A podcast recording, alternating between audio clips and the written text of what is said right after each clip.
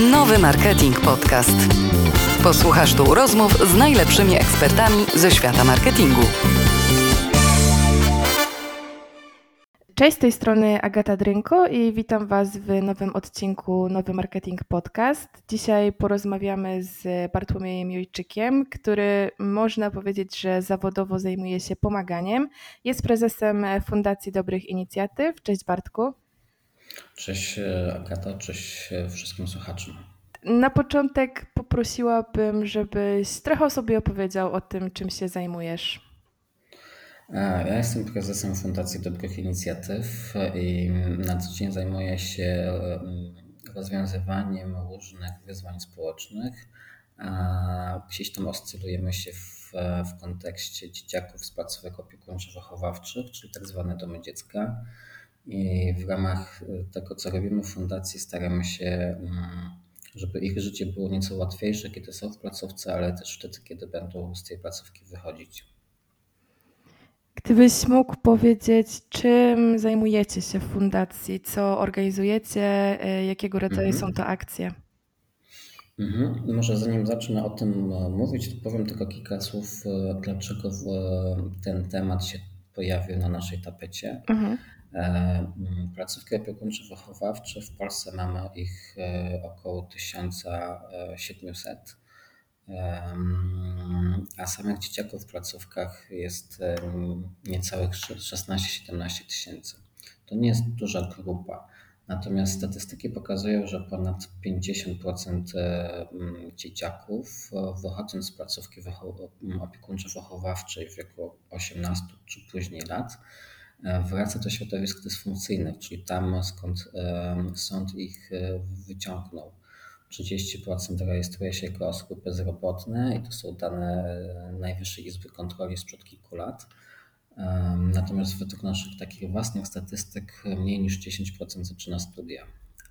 I ta perspektywa dziecka 18-letniego, które otrzymuje e, kilka, kilkanaście tysięcy złotych na koncie, uścisk ręki dyrektora placówki i walizkę swoich rzeczy za drzwi, to jest taka mm, nieciekawa perspektywa większość e, osób, czy my sami będąc w tym wieku, pewnie byśmy sobie nie dali rady i nie oddałaby nam się ta nasza samodzielność i ten proces osamodzielnienia. A jeśli mówimy o młodzieży z placówek opiekuńczo-wychowawczych, które często doświadczały w swoim życiu przemocy psychicznej, przemocy fizycznej e, czy seksualnej, i nie mając porozwiązywanych tych kwestii, tych problemów w wieku 18 lat, wychodząc z takim bagażem doświadczeń bez takiego realnego wsparcia, mm, nie mogą sobie poradzić.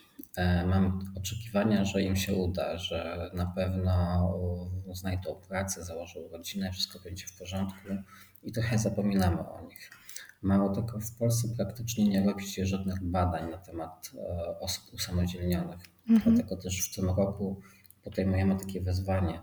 To będzie najważniejsze wydarzenie w branży placówek opiekuńczo-wychowawczych, czyli robimy e, e, badanie na temat osób usamodzielnionych i w tym roku jesienią zostanie opublikowany raport.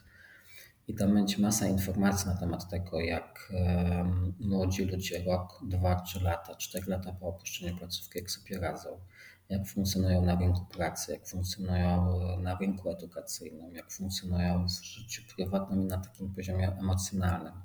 I te informacje przyniosą masę e, wiedzy takim organizacjom jak my i wielu innym, ale też mam nadzieję decydentom, E, żeby zastanowić się raz jeszcze, jak lepiej e, skonstruować ten system i stworzyć takie realne formy wsparcia dla młodych ludzi, żeby ten proces osamodzielnienia był dla nich mm, procesem e, wchodzenia w nowe, ciekawe, dorosłe życie i to doświadczenia, nie żeby wiązało się z lękiem, z przerażeniem i z takim poczuciem osamotnienia. Mhm. Czyli jakby to, dlaczego e, ty wybrałeś to wsparcie dzieci i młodzieży, to jest właśnie to zauważenie tego problemu, czy to były jakieś inne doświadczenia? Dlaczego właśnie w tym kierunku? Mhm.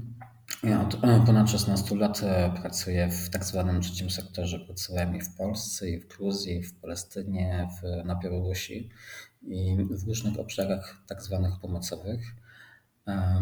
I z tych wszystkich obszarów po kilku latach zdecydowałem się założyć własną organizację pozarządową i zająć się tematem placówek opiekuńczo-wychowawczych z dwóch powodów. Po pierwsze, to nie jest duża grupa, o której mówimy. To nie jest tak, że my potrzebujemy miliardów złotych, żeby realnie rozwiązać problem społeczny, przed którym stoimy od 30 lat w Polsce a po drugie dlatego, że ten temat, w związku z tym, że to jest mała grupa i też e, mm, pracownicy placówek opiekuńczo-wychowawczych też są małą grupą zawodową, to ten ich głos i ich e, potrzeby są mniej zauważalne niż innych grup e, społecznych, które są liczniejsze, które są głośniejsze i które non-stop gdzieś tam przecinają się w, w świecie politycznym czy w tym świecie medialnym. Natomiast e, dzieci i młodzież z placówek opiekuńczo-wychowawczych, e, o nich zazwyczaj przypominamy sobie wtedy, kiedy jest 1 czerwca, 6 grudnia, po mhm. akcja mikołajkowa, robiąc różnego rodzaju akcje mikołajkowe czy mm, pikniki. Natomiast ani jedno, ani drugie nie rozwiązuje prawdziwych potrzeb i problemów dzieciaków. Więc my chcemy mm, skonsolidować środowisko organizacji pozarządowych, mm, instytucji mm, e, rządowych do tego, żeby, ale i przede wszystkim biznesu, bo my utrzymujemy się głównie ze środków od biznesu, od mhm. darczyńców indywidualnych, żeby tym tematem zająć się kompleksowo. No właśnie, e, o tych biznesach też trochę chciałam porozmawiać i być może na tym etapie nasi słuchacze zastanawiają się, dlaczego w ogóle mm, poruszamy taki temat e, w podcaście marketingowym, e, ale pomyślałam, że to będzie dobry temat przede wszystkim z uwagi na to, że ta odpowiedzialność społeczna, o której zresztą tyle się mówi, to jest coś, co firmy powinny realizować. I chciałam zapytać, e, no bo wspomniałeś, że jako fundacja współpracujecie z partnerami biznesowymi. Mm, jak ważne jest to dla funkcjonowania fundacji? E, dla naszej fundacji to jest, e, przykładając to na liczby, 80% środków, które pozyskujemy. Czyli zrobilibyśmy o 80% mniej, gdyby nie było biznesu i gdyby biznes nie był zainteresowany wspieraniem organizacji pozarządowych.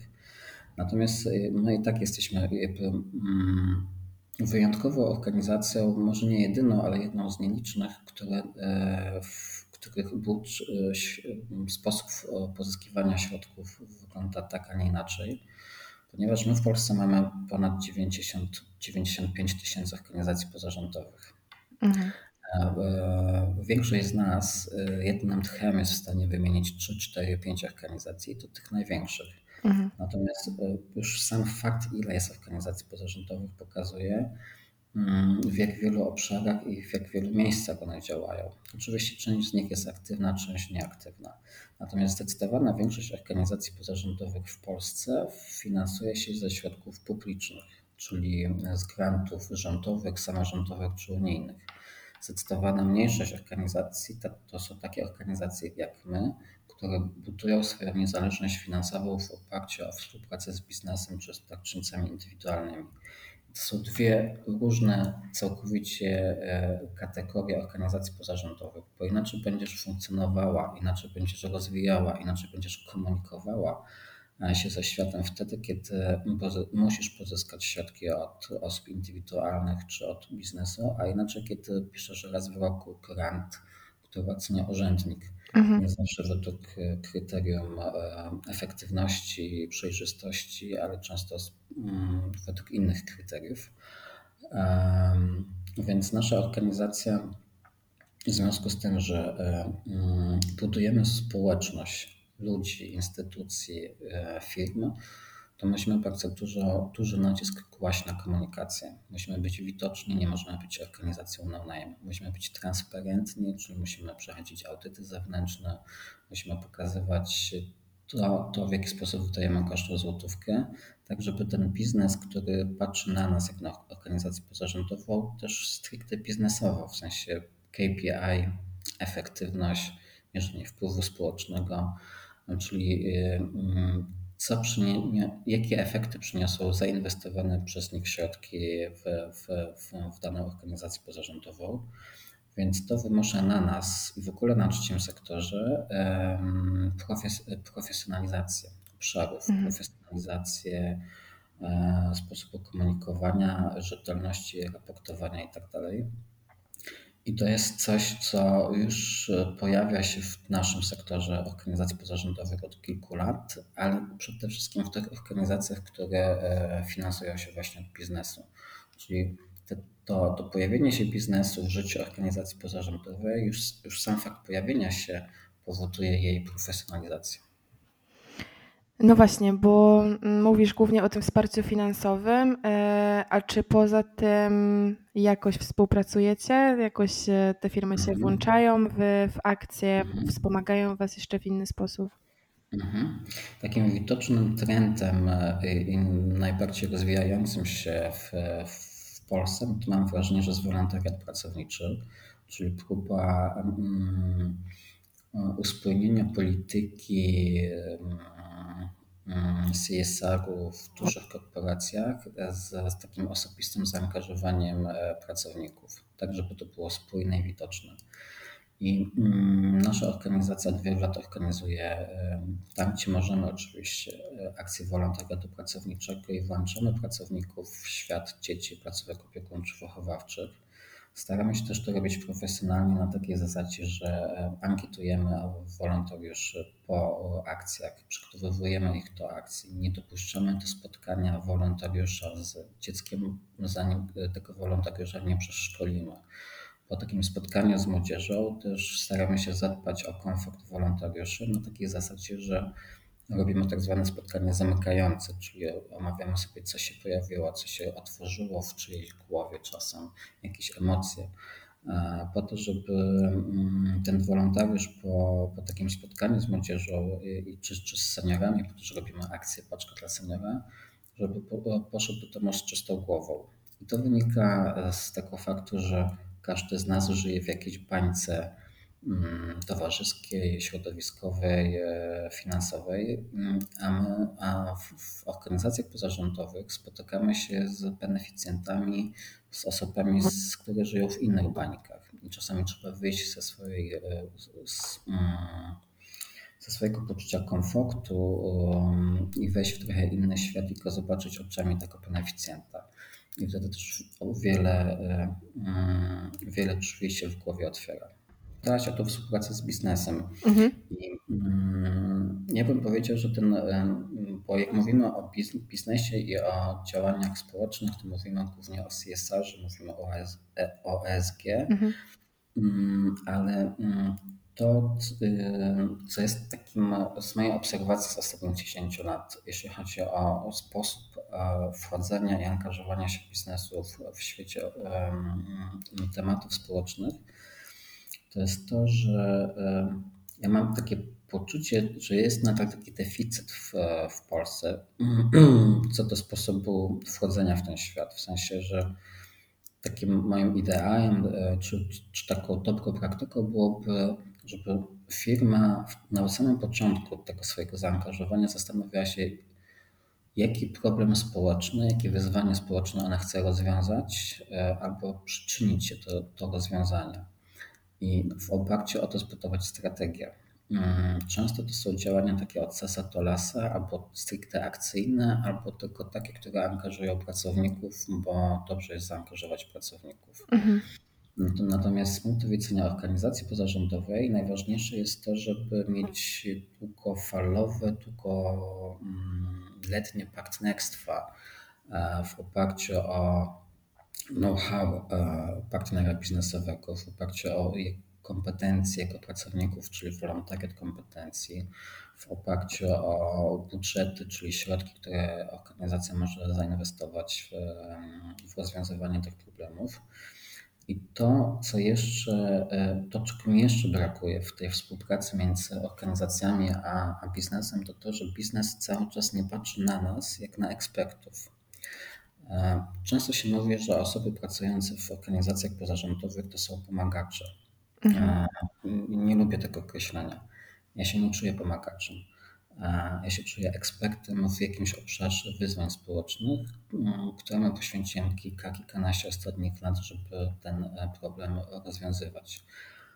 Nie czuję się pomagaczem. Pomagaczem może być ktoś, kto raz w roku czy dwa razy w roku włączy się w jakąś akcję wolontariatu na przykład. Mm. Natomiast jest jakiś know-how, jest jakaś wiedza y, na temat beneficjentów, na temat sposobu funkcjonowania e, osób potrzebujących, na temat funkcjonowania trzeciego sektora, na temat efektywnych sposobów dotarcia do beneficjentów. Wiemy, co działa, co nie działa. My naprawdę mamy ekspercką wiedzę na temat e, w tych obszarach, których się zajmujemy.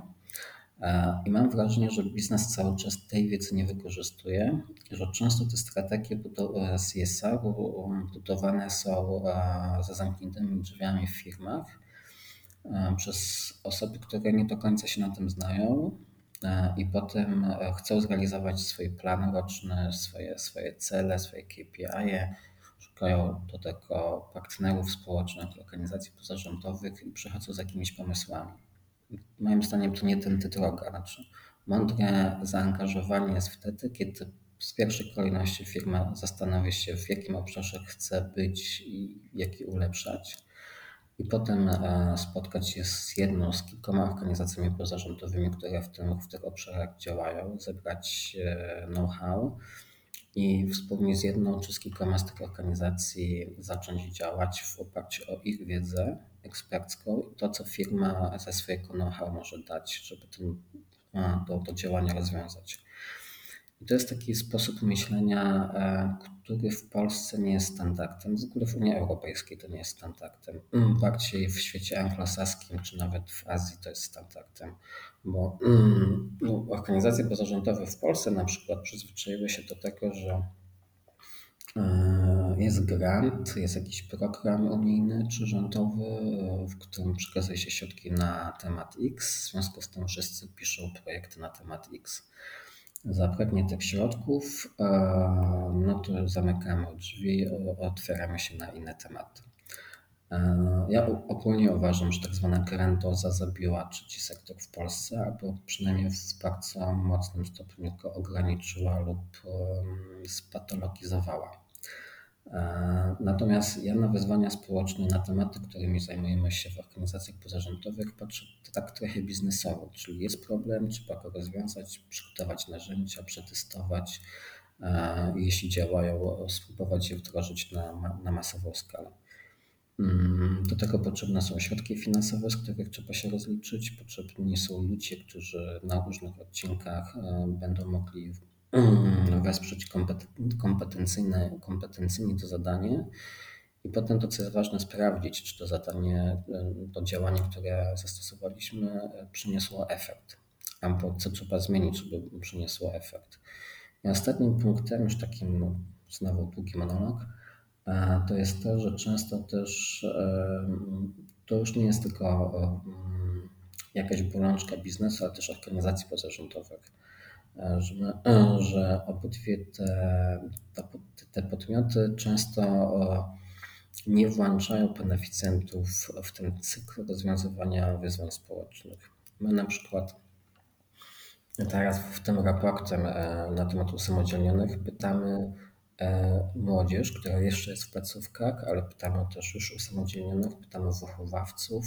Mało tego, to narzędzie badawcze przygotowaliśmy razem z nimi E, bo to oni są e, na co dzień w tym świecie i to oni też mają masę informacji, o których my możemy nie wiedzieć, nawet jeśli od 10 lat zajmujemy się tym tematem. E, więc takie włączenie każdej grupy, nawet tylko beneficjenta w ten cykl rozwiązywania problemów społecznych i te konsultacje, to budowanie partnerstwa pomiędzy organizacjami a biznesem na, na starcie, na początku.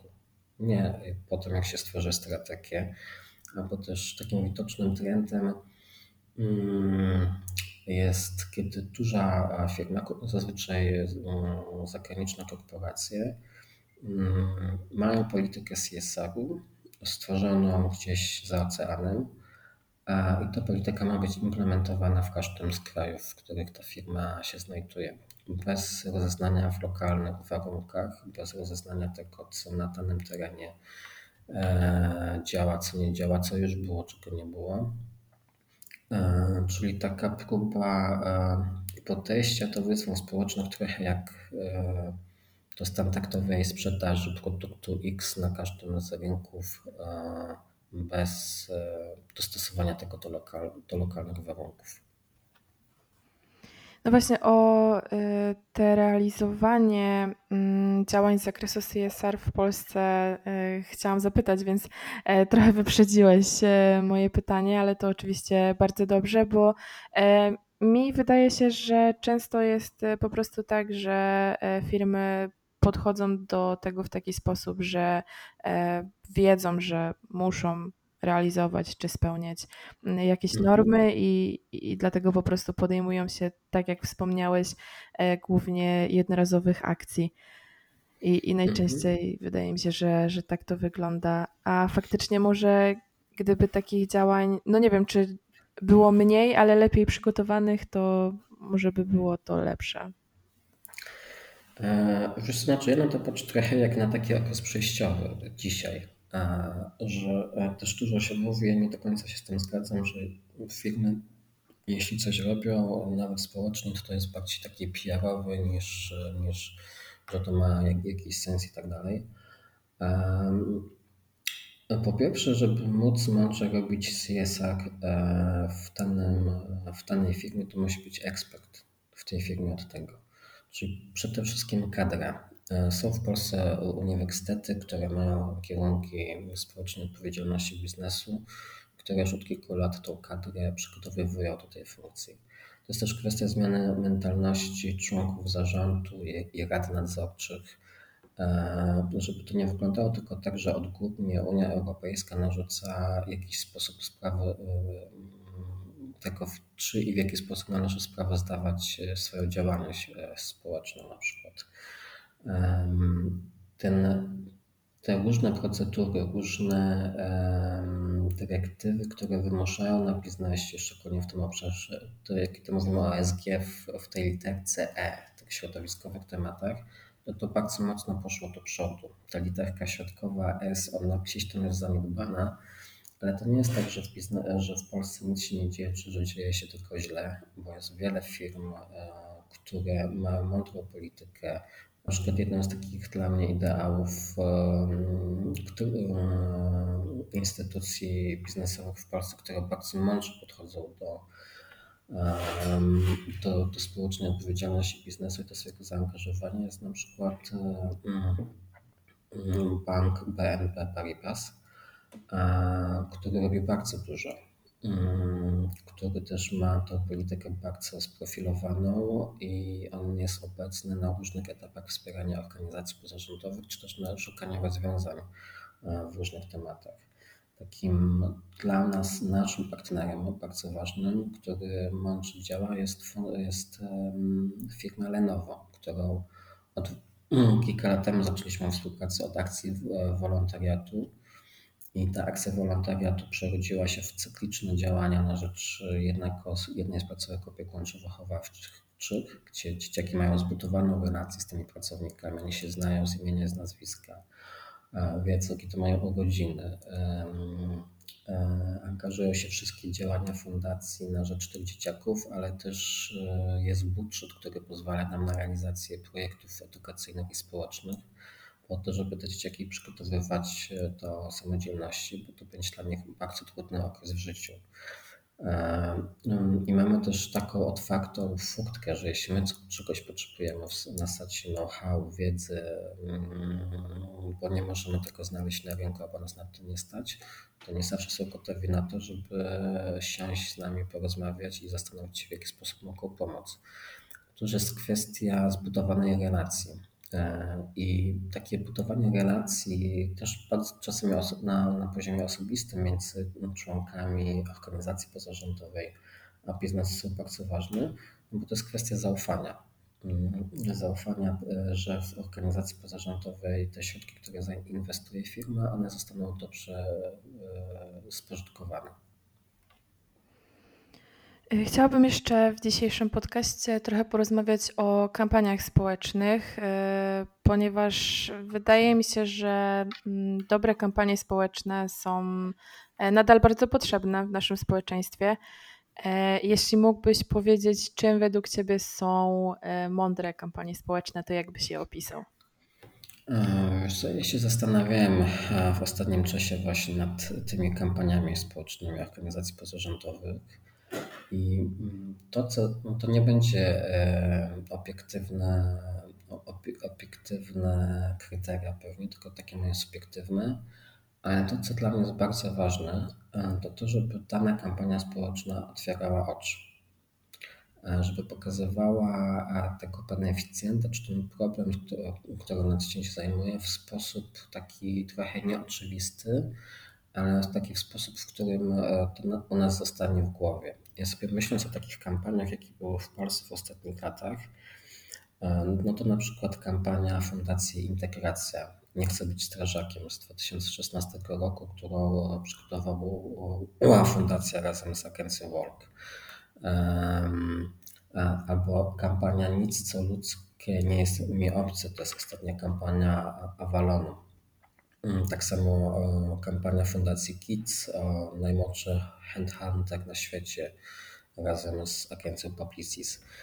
To są kampanie, które e, trochę odczarowywują e, obraz beneficjentów, bo przez nasz trzeci sektor w Polsce przyszła już taka dyskusja jedna, dwa, może nawet więcej razy, ale cały czas gdzieś tam nie mamy tych standardów.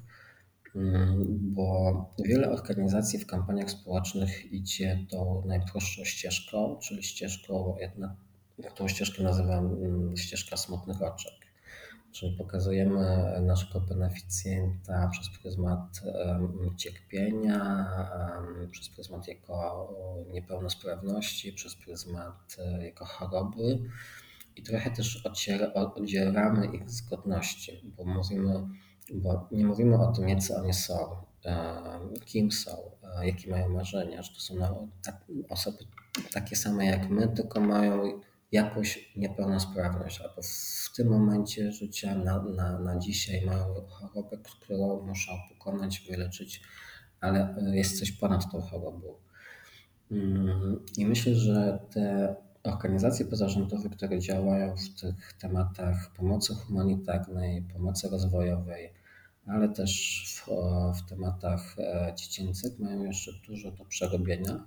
Natomiast te organizacje, które działają w sektorze e, osób z niepełnosprawnościami e, ruchowymi, intelektualnymi, powoli też w obszarze dzieci, to zaczyna coraz lepiej wyglądać, bo pokazujemy, że, że ci beneficjenci to są ludzie z krwi i kości, którym trzeba po prostu pomóc, żeby oni poszli dalej, ale ich nie uprzedmiotawiamy i nie, tylko upodmiotawiamy.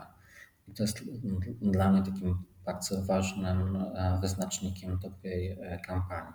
Czyli, że w kampanii nie chodzi tylko o to, żeby e, zbudować społeczność osób, które potem będą naszymi darczyńcami, ale chodzi o to, żeby uświadomić pewne wyzwanie społeczne i pokazać, gdzie jest problem i że ten problem można dzięki tym środkom rozwiązać e, i pomóc tym beneficjentom, a nie żeby ich jeszcze bardziej wrzucać w jakieś szufladki i w tych szufladkach zamykać. Mhm. No to jest w ogóle chyba takie mm, popularne myślenie, no bo też y, myślę na przykład z perspektywy y, no już nie kampanii społecznych, ale generalnie y, pokazywania tego mm, cierpienia na przykład w telewizji, nie? Przecież tyle się śmieje, jeśli chodzi o odbiorców. Na przykład w pokazywaniu historii jakichś osób z jakichś programów, no to zawsze najlepiej powiedzmy sprzedaje się e, te, te smutne historie, nie? Więc... Mm, znaczy, no wiesz, to jest tak, że jedna, nie chcę wymieniać nazwy tej organizacji, ale jedna z organizacji pozarządowych, jedna z dużych, a, mhm. zawsze robi te kampanie na smutne oczka. To są te kampanie jedno, teraz półtora procentowe. Mhm. I w jednym roku zrobili kampanię na wesołe oczko, czyli zrezygnowali z tych e, smutnych oczek i zebrali e, kwotę o mniej więcej 50% niższą. Więc na poziomie efektywności, czy na poziomie wskaźników tego, czy zainwestowane pieniądze przełożyły się na, potem na, na pozyskanie tych środków z, z podatku 1,5% działają czy nie, no to tak, kampanie na smutne oczko działają. Mam tylko wrażenie, że coraz mniej i mam wrażenie, że tymi kampaniami robimy więcej złego niż dobrego tym beneficjentom. E, ale no, niestety tak jest. E, ktoś mógłby powiedzieć, że skoro jest na to pobyt, no to trzeba to robić. E, my jako organizacje pozarządowe powinniśmy sobie wyżej stawiać poprzeczkę. I nawet jeśli zainteresowanie społeczne idzie w kierunku smutnych oczek, to my powinniśmy jednak od tego uciekać. Dlatego też w naszej kampanii, to była pierwsza kampania, którą zrobiliśmy E, w historii fundacji w tym roku.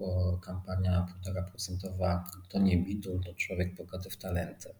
Tam pokazujemy dwie historie dwóch rzeczywistych naszych beneficjentów, Ewy i Kuby.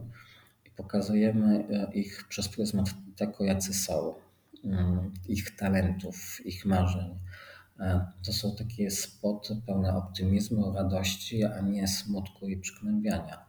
Też tą kampanią chcemy pokazać, że placówka opiekuńczo-wychowawcza to nie jest ten bidul, e, który gdzieś tam mamy w tyle, w tyle głowy, że tam są jakieś straszne historie i że stamtąd mm, młodzież, która wychodzi, będzie tylko w tych niższych sferach społecznych ale że to jest bezpieczne miejsce dla dziecka, które jest odbierane e, od rodziny, w której jest przemoc e, i, on, i dom dziecka, placówka opiekuńczo-wychowawcza jest miejscem bezpiecznym dla nich, miejscem, gdzie są też eksperci, doświadczeni ludzie, opiekunowie, którzy się nimi zajmą. Ostatnio w Polsce mieliśmy historię ośmioletniego chłopca, i było dużo z Częstochowy, było dużo głosów e, w Polsce na temat tego, że system nie zadziałał. Ja się z tym nie zgadzam, bo system zadziałał. Były informacje o tym, co się z nim dzieje, były mhm. informacje e, tego, w jaki sposób on funkcjonuje w tej rodzinie, jak w ogóle ta rodzina funkcjonuje. Natomiast nie było woli politycznej e, sędziego do tego, żeby podjąć decyzję o ograniczeniu praw rodzicielskich. E, od wielu lat ilość dzieci, które przychodzą do placówek opiekuńczo-wychowawczych jest mniejsza, bo jest taka polityka i tendencja, nieważne, nieważne jaka rodzina, ważna, że, że w rodzinie. To nie jest dobra polityka, bo dzisiaj wiele młodych osób znajduje się w rodzinach, w których jest przemoc. I oni nie powinni się tam znajdować. Oni powinni e, znaleźć się w miejscu bezpiecznym i w, otoczeni przez ekspertów, specjalistów, którzy dadzą im możliwość wyjścia z traumy i dadzą im możliwość wejścia na ścieżkę, w której to oni będą najważniejsi, ich emocje, a nie e, e, emocje i, i rzeczy ich oprawców. Mhm. A gdybyś mógł powiedzieć, jak wy przygotowujecie się do przeprowadzenia różnych inicjatyw, które e, podejmujecie w fundacji, bo jakby wiadomo, jesteście ekspertami, e, druga rzecz to badania, raporty, e, ale czy coś jeszcze? Mhm. Po pierwsze, mm, to jakby największą wartością naszej fundacji to jest też to, czego nie, nie ma biznes. A, a co jest ważne, a co jest niemierzalne, to jest zbudowanie relacji z placówkami opiekuńczo-wychowawczymi, zbudowane relacje z opiekunami, z wychowawcami, z dzieciakami. W sensie my jako Fundacja Dobrych Inicjatyw mamy 21 placówek, które na co dzień wspieramy i mm, mamy zbudowane szczere relacje. To nie jest tak, że ktoś kogoś czaruje. My wiemy, w których placówkach e, jest, jest wyzwanie polegające na tym, że dużo dzieciaków e, mm, podejmuje próby samobójcze, w której placówce dziewczynki ktoś wcześniej zachęcał w ciąży, a w której placówce jest problem na przykład z używkami. I mając tą wiedzę, łatwiej jest nam projektować te działania, to po pierwsze. To jest wiedza, której nie ma na przykład biznes, który chce wejść w, w sektor e, pomocowy. Druga rzecz e, to to, że e, te wszystkie nasze działania, które robimy, programy edukacyjne, one są cały czas podlegają pod ewaluację. Wyciągamy informacje, ankietujemy naszych beneficjentów, ankietujemy wolontariuszy i nanosimy poprawki i zmiany tam, gdzie one są potrzebne. I trzecia rzecz, w tym roku, w tym miesiącu zaczęliśmy proces mierzenia wpływu społecznego, czyli to jest coś, co jest już standardem na Zachodzie w organizacjach pozarządowych, a w Polsce to może kilka, kilkanaście organizacji pozarządowych ma wdrożone e, narzędzie do mierzenia wpływu społecznego. E, I dzisiaj opracowujemy to narzędzie, żeby go wdrożyć do każdego z naszych projektów, e, które na co dzień realizujemy. Ale też to, co bardzo ważne, to przy tym raporcie, o którym mówiłem na początku, przy okazji tego raportu zmierzymy też wpływ społeczny fundacji i zobaczymy, czy to, co nam się wydaje, że w, w jakimś obszarze pomagamy młodym ludziom, to czy faktycznie tak jest.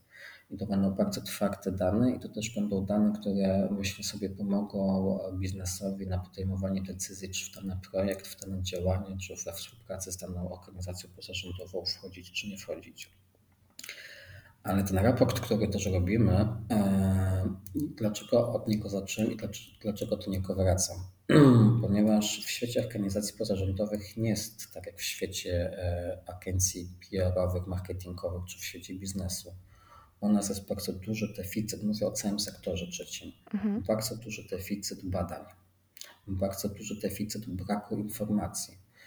E, Mm, jest naprawdę niewiele obszarów, w których organizacje pozarządowe robią swoje własne badania, e, wydają środki na to.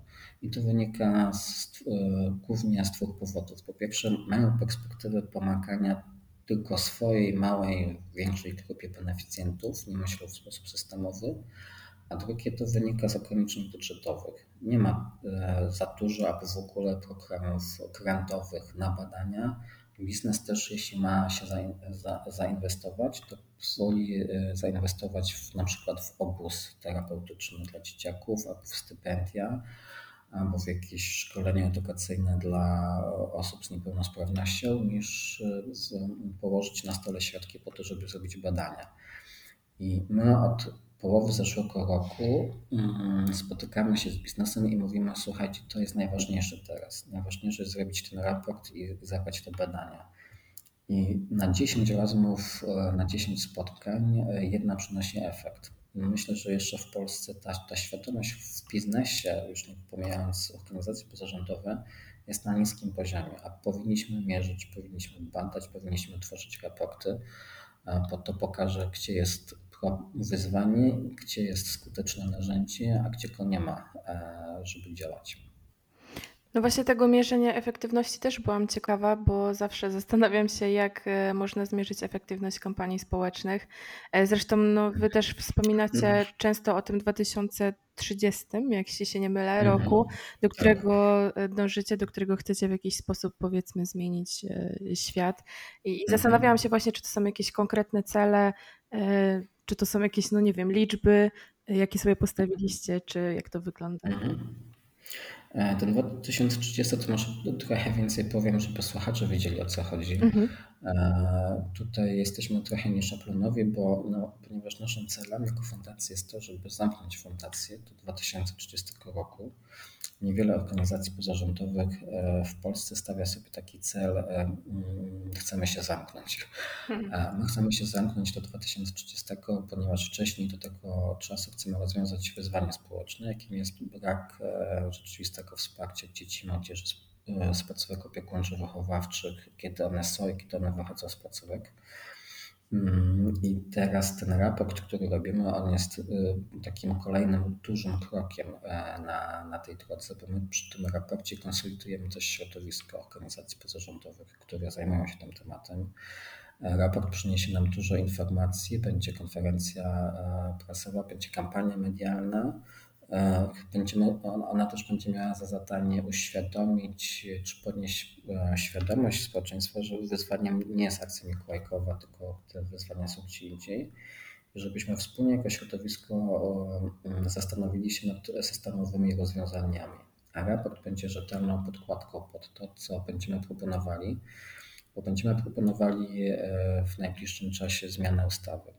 Mm, czyli nie chcemy działać tylko na rzecz naszych 300 beneficjentów, których mamy w placówkach, ale chcemy, żeby te narzędzia, które my, ale też inne organizacje pozarządowe wypracowywują, żeby one zostały wdrożone e, do każdej placówki opiekuńczo-wychowawczej w Polsce. Żeby nie było dyskryminacji takiej, jaka jest dzisiaj, że jeśli jesteś w placówce e, w Warszawie, a jesteś w placówce w mojej miejscowości w Polsce Północnej, to masz dwie różne oferty wsparcia. Mało tego, że znalazłeś się w placówce, to jeszcze masz gorzej, bo, bo nie w tej, w której powinieneś. Mhm.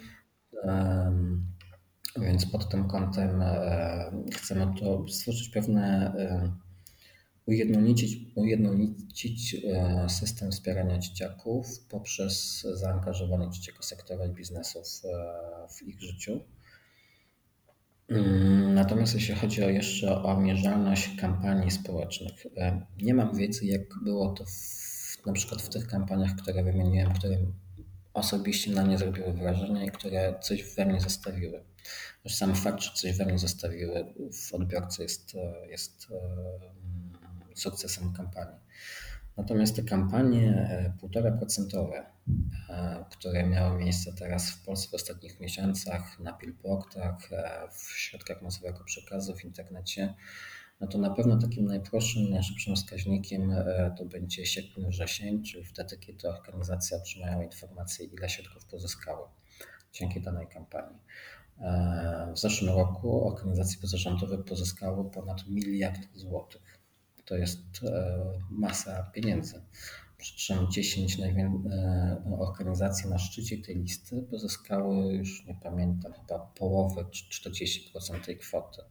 Z czego większość tych organizacji to są organizacje, które prowadzą subkonta, e, czyli mm, konta dla osób potrzebujących, zazwyczaj na różnego rodzaju operacje, e, zabiegi medyczne i tak dalej, więc mm, mm, to narzędzie jednego 1,5%, które miało pomagać organizacjom w, w profesjonalizacji, bo trzeci sektor w Polsce jest mocno niedoinwestowany.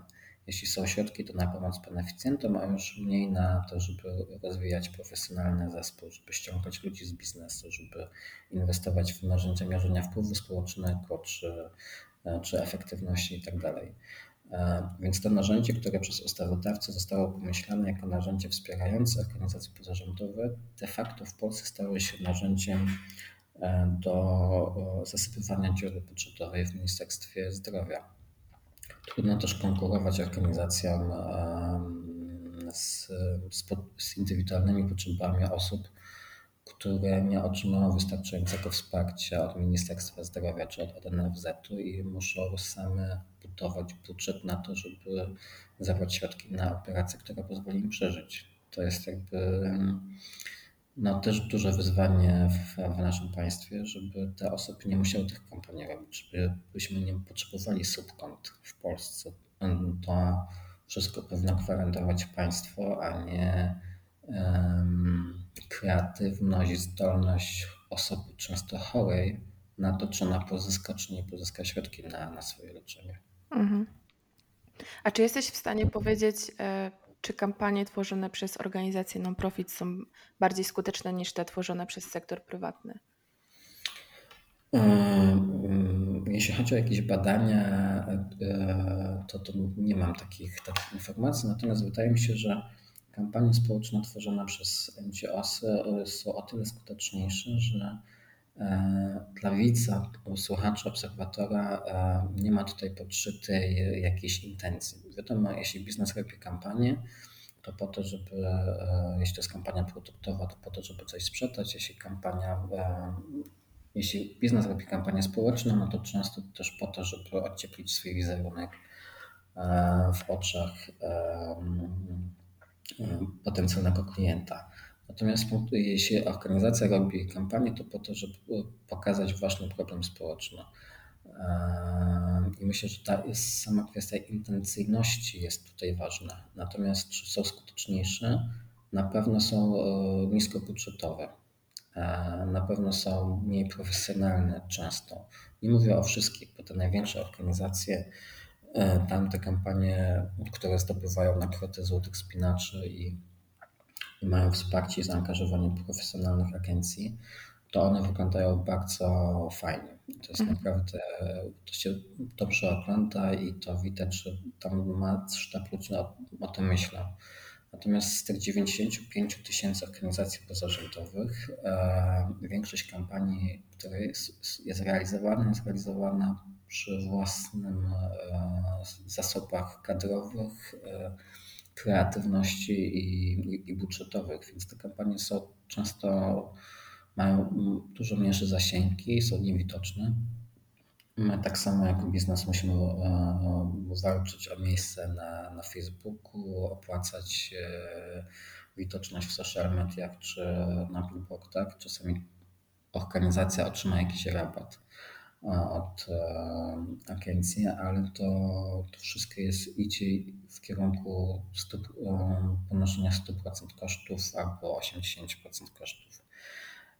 To też jest Pewnie mało kto o tym myślał w Polsce, ale to dla kadry zarządzającej organizacji pozarządowej to zawsze jest wyzwanie zastanowić się, czy wydać kwotę X na kampanię, na, na, na reklamy, czy wydać te pieniądze na pomoc dla beneficjentów. Co jeśli ta kampania się nie zwróci? E, jaki będzie odbiór społeczny? Dlaczego środki zostały zainwestowane w taki, a nie w inny sposób?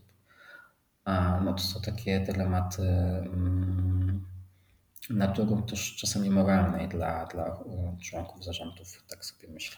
Mhm. Właśnie o to środowisko cyfrowe też chciałam zapytać, no bo nie oszukujmy się, że dzisiejsze społeczeństwo no, gdzieś tam mocno cyfrowo jest e, osadzone e, i czy dostrzegasz jakieś wyzwania z tym związane, czy może wręcz przeciwnie, to Wam pomaga dotrzeć do, do odbiorców właśnie za pośrednictwem mediów społecznościowych? Mhm. E, znaczy, gdyby nie media społecznościowe, to pewnie to dla 90% organizacji ich sposób komunikacji i, i, i promocji byłby zerowy. Więc narzędzia internetowe, social media dają możliwość obecności. Inna kwestia jest, innym tematem jest kwestia zasięgów, czy zbudowania spójnych przekazów. E, natomiast dla nas na przykład takim bardzo ważnym narzędziem teraz i dającym jakby wymierne efekty jest LinkedIn. E, tam mamy łatwe, szybkie dojście do ekspertów z różnych obszarów, do decydentów z różnych instytucji, nie tylko biznesowych, ale coraz częściej też samorządowych, rządowych więc to jest taka platforma, która nam pomaga w komunikacji z tym światem zewnętrznym i która jest bezpłat, bezpłatna, no bo tutaj nie robimy żadnych kampanii na, LinkedInie. Na Facebooku tak. Na, na LinkedInie jakby działamy w, w taki sposób bardzo organiczny, organiczny e, i z dużymi sukcesami sobie myślę. No tak, bo też zależy mm, do kogo chcecie trafić, no bo inna grupa odbiorców będzie na, na Facebooku, inna na LinkedInie i inna jeszcze gdzieś, nie? Jakby to jest różna charakterystyka, mhm. także... Natomiast y, na pewno ta kampania, którą zrobiliśmy ostatnio, ona, ona przyniosła już taki efekt, że jesteśmy organizacją bardzo dobrze rozpoznawalną tutaj w Warszawie. Mhm to dzięki tej kampanii, ale też dzięki akcji Paczka dla Seniora, którą wymyślili nasi beneficjenci, czyli dzieci z placówek opiekuńczo-wychowawczych. To jest e, akcja, która otrzymała też nagrodę mieszkańców Warszawy e, w plebiscycie trzeciego sektora w zeszłym roku. Więc i też tak nasza kampania 1,5% ona e, była promowana w, w, w warszawskich tramwajach. Mhm. Ja spotkałem już kilkanaście osób, e, z którymi rozmawiałem pierwszy raz w, e, w ostatnich miesiącach i mówią, tak, tak, znamy, kojarzymy fundację, widzieliśmy kampanię w tramwajach. E, a jeszcze w kwestii poszerzania zasięgów, o których wspominałeś, czy fundacje w ogóle myślą o wykorzystaniu, nie wiem, influencerów, celebrytów? Czy to jest właśnie ten obszar, w którym wy się zastanawiacie, czy warto tam wydać, y, wydać pieniądze, czy lepiej na, na coś innego? E, są organizacje, które już to robią i, i wydaje mi się, robią to z fajnym, e, z fajnym skutkiem. My też e, my w tym roku przyjęliśmy strategię komunikacyjną na kolejne lata E, w, w lutym. I, I ta kampania 1,5% oraz rebranding, który przeszliśmy w ostatnim czasie, są efektami tej strategii. I w tej strategii też mamy kwestię próby podjęcia współpracy z influencerami i z celebrytami. Przy czym to nie jest temat prosty. Myślę, że dla wielu celebrytów zanim podejmą w ogóle taką decyzję o zaangażowaniu, ważna jest transparentność organizacji. E, to po pierwsze. Po drugie, są celebryci, którzy angażują się w kilka tematów. Myślę, że to też e, dla nich jest e, trudne, no bo wtedy ich fan nie, do końca wie, w który temat społeczny on się angażuje i gdzie swoje serce, w którym kierunku ono idzie lub powinno iść.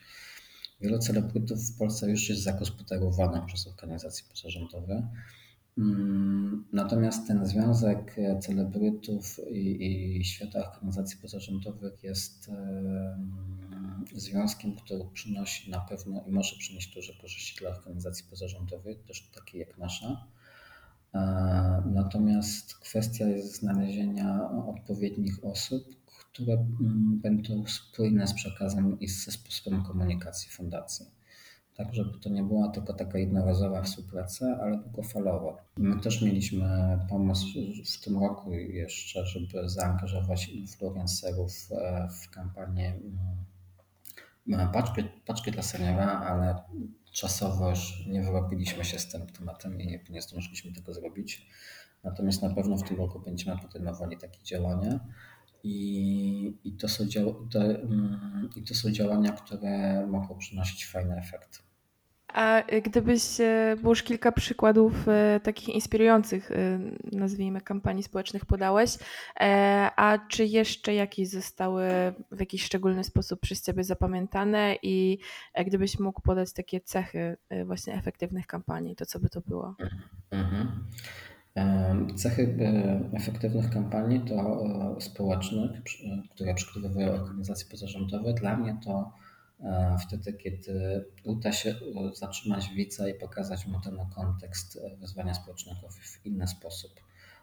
Czyli Fundacja Avalon, Fundacja KIDS, Fundacja Integracja, ale też na przykład Fundacja Onkologiczna Rakiety, E, która cały, cały, cały temat związany z chorobą onkologiczną pokazała, że to są bohaterowie, którzy e, walczą, którzy mają swoją podróż rakietą w kosmos, które potrzebują e, środków na, na paliwo, żeby w, tą podróż odbyć i bezpiecznie wylądować. Więc ta, ta spójność i tworzenie historii, tego storytellingu wokół e, beneficjentów e, jest takim pozytywnym przekazem, że Twoje zaangażowanie, Twoja pomoc ma realny wpływ, ale pomaga e, osobie, która jest dzisiaj w trudnej sytuacji. Dobra kampania to jest taka, która nie, upod, nie uprzedmiotawia beneficjentów i dobra kampania jest taka, przynajmniej ja taki lubię, gdzie jest jakieś poczucie humoru, gdzie jest e, pokazanie, że ten człowiek, ten beneficjent jest z krwi i kości.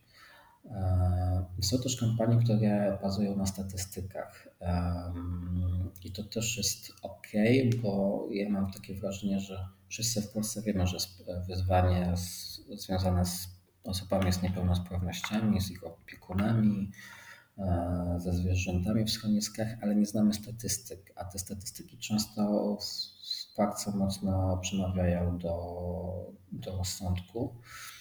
I to, czego w Polsce jeszcze mam wrażenie nie jest to standardem, tego się jeszcze tak bardzo nie robi, a co może być fajnym kierunkiem efektywnej kampanii, pokazywanie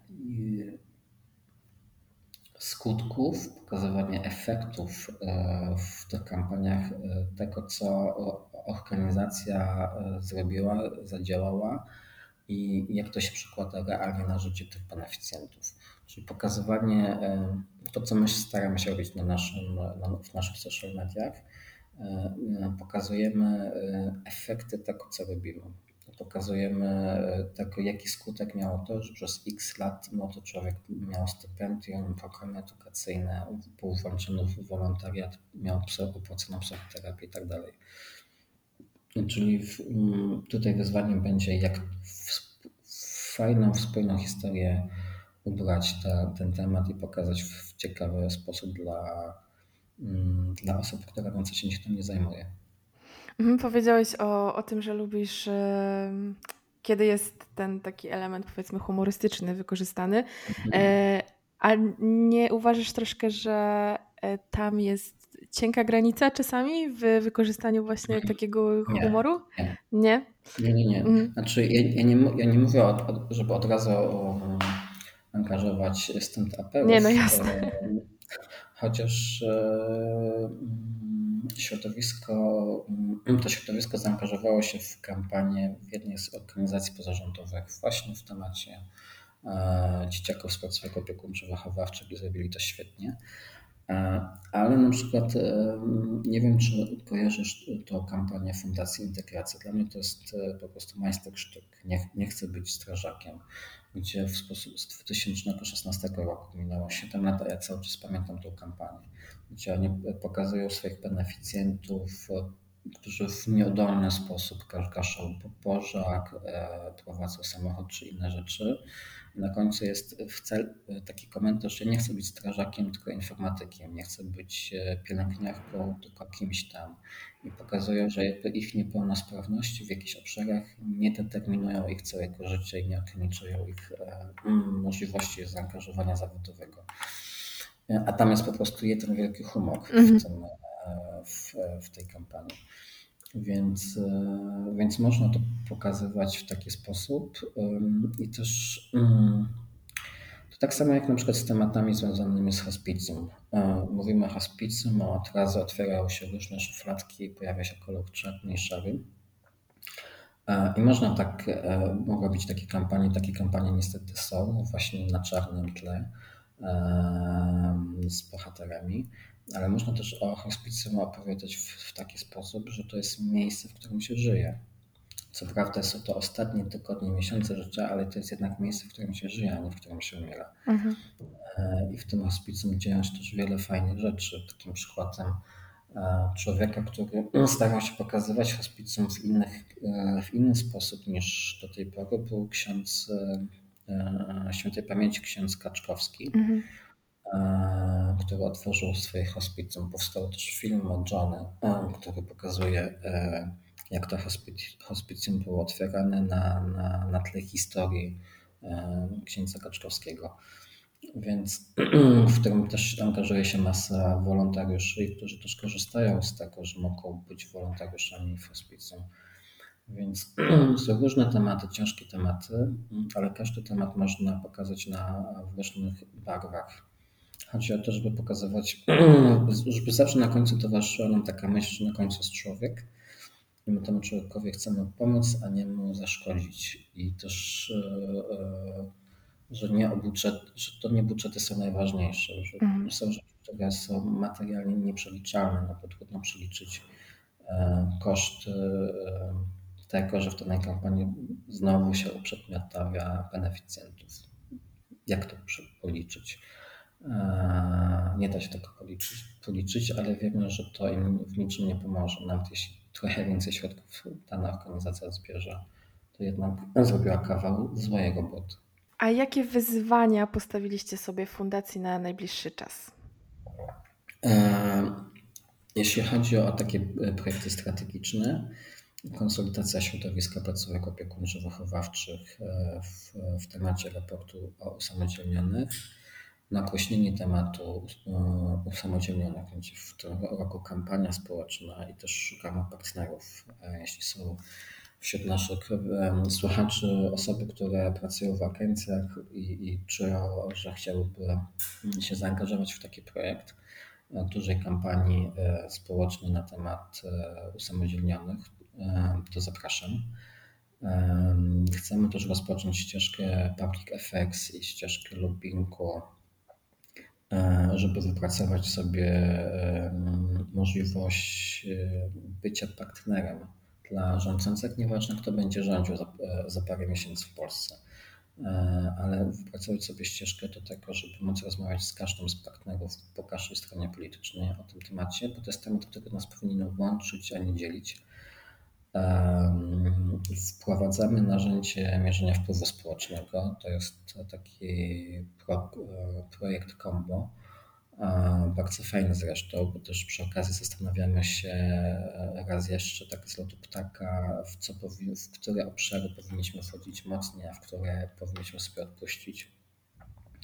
Jesteśmy po rebrandingu, który bardzo fajnie zadziałał. Zrobiliśmy też badania przed rebrandingiem w naszej organizacji.